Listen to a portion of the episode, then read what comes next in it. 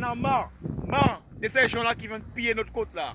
صياد من غويانا الفرنسية صور هذا الفيديو الذي يندد خلاله بالصيد العشوائي على السواحل عمليات الصيد هذه تقوم بها قوارب أجنبية تنشط في هذه المناطق الفرنسية في أمريكا الجنوبية وتسمى هذه القوارب تابوي منذ سنوات دأبت هذه القوارب القادمة من سورينام وغويانا والبرازيل على الصيد في المياه الفرنسية حيث الثروة السمكية محمية بشكل أفضل.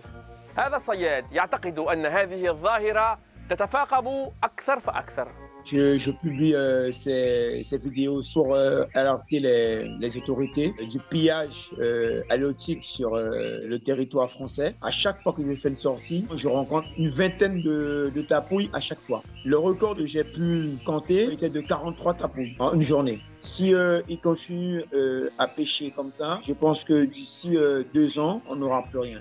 Depuis bon matin, 6 heures, là, à 23e tapouille. أكثر الأسماك التي تبحث عنها هذه القوارب تسمى محليا لاكوبا روج خاصة بالنسبة للمثانة التي تتوفر عليها. هذه القوارب تأتي إلى غويانا الفرنسية ليلا لتصطاد وتتوارى خلال النهار في غابات المانغاروف مثلا. وهو ما نراه في هذا الفيديو الذي نشره صياد من غويانا يعيش في سورينام وفقا للصور التي نشرها على تيك توك. مقارنة مع قوارب الصيد في غويانا فإن القوارب الأجنبية مزودة عادة بشباك أطول وأضيق eux, ils, vont, ils viennent avec euh, des maillons qui sont tout petits. C'est-à-dire que tous ceux qui fassent, tous les poissons qui font moins de 30 cm, ils ramassent tout. Ça détruit la ressource. Vous qui a déployer kilomètres filets, frère.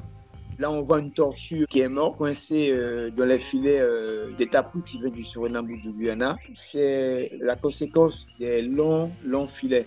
سلاحف المحيط جلدية الظهر غالبا ما تقع ضحية الصيد العرضي حين تأتي لتضع بيضها على شواطئ غويانا الفرنسية مما تسبب في انخفاض أعدادها بنسبة 95% خلال 20 عاما وفقا لمنظمة الصندوق العالمي للطبيعة في سبتمبر أيلول الماضي قامت هذه المنظمة غير الحكومية بتحليق جوي في غرب غويانا الفرنسية ولأول مرة لم تلاحظ وجود سلاحف بحرية أو دلافين Cette pêche illégale, elle est la conséquence directe d'un phénomène de surpêche dans les eaux des pays voisins qui s'est déplacé au sein des eaux françaises de Guyane au cours des dernières années. اتصلنا بممثل منظمة سورينام للصيادين والذي أكد لنا أن القوارب غير القانونية في غويانا الفرنسية تأتي بشكل أساسي من غويانا من جهته يعتقد نظيره من غويانا أن القوارب القادمة من بلاده نادرا ما تذهب إلى غويانا الفرنسية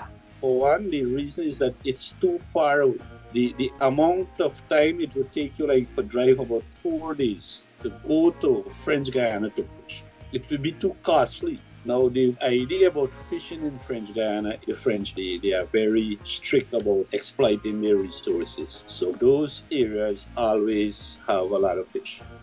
الصيادون في غويانا الفرنسية يطالبون وبشكل عاجل بتعزيز المراقبة على الحدود لمنع وصول القوارب الأجنبية إلى المياه الفرنسية وتشديد العقوبات ضد المخالفين. Good evening, everyone. I'm going to share with you one of the sneakiest procedures I've seen become extremely popular in LA.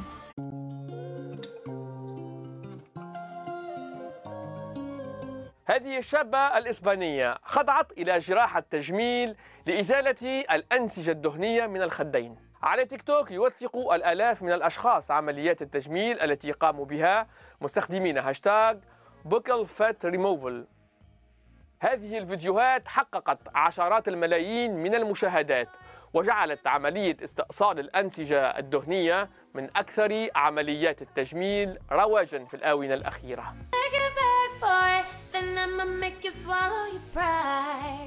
المؤيدون لهذه الجراحة التجميلية يؤكدون على أهمية أن هذه العملية لا تخلف ندوبا. كما أنها غير مكلفة ومع ذلك فإن هذه العملية تنطوي على مخاطر كما يوضح الدكتور مايكل بن أوليد وهو جراح متخصص في عمليات التجميل والذي يحذر على تيك توك من مخاطر بعض العمليات qui, permet euh. La bichectomie, ça correspond à des amas qui sont graisseux, amoncelés au niveau de la joue. Il y a une petite incision qui est dans la joue et ça permet effectivement d'avoir un visage un peu plus creusé. Ce genre d'intervention, en tout cas personnellement, c'est une intervention que je ne pratique pas parce qu'elle est un risquée de l'évolution. Euh, on va dire de la cicatrice intrabuccale, c'est pas tant ça le problème, c'est l'évolution des creux du visage. Cette graisse qu'on va enlever, elle fond naturellement dans le visage quand on vieillit. Ce qui fait que quand on enlève trop de graisse quand on est jeune, et ben quelquefois on peut avoir le visage très très très creusé plus tard. Ma, conception de la chirurgie esthétique, euh, elle est intrinsèquement liée à la chirurgie réparatrice. C'est pour des complexes de patients, de patientes, et donc on va réparer des complexes.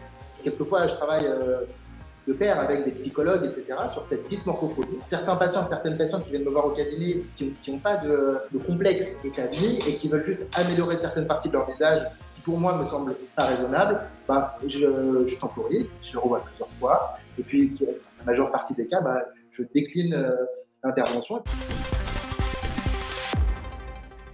بهذا نكون قد وصلنا مشاهدينا إلى ختام هذه الحلقة من برنامج مراقبون.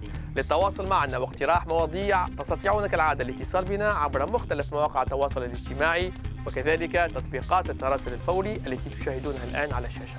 إلى اللقاء.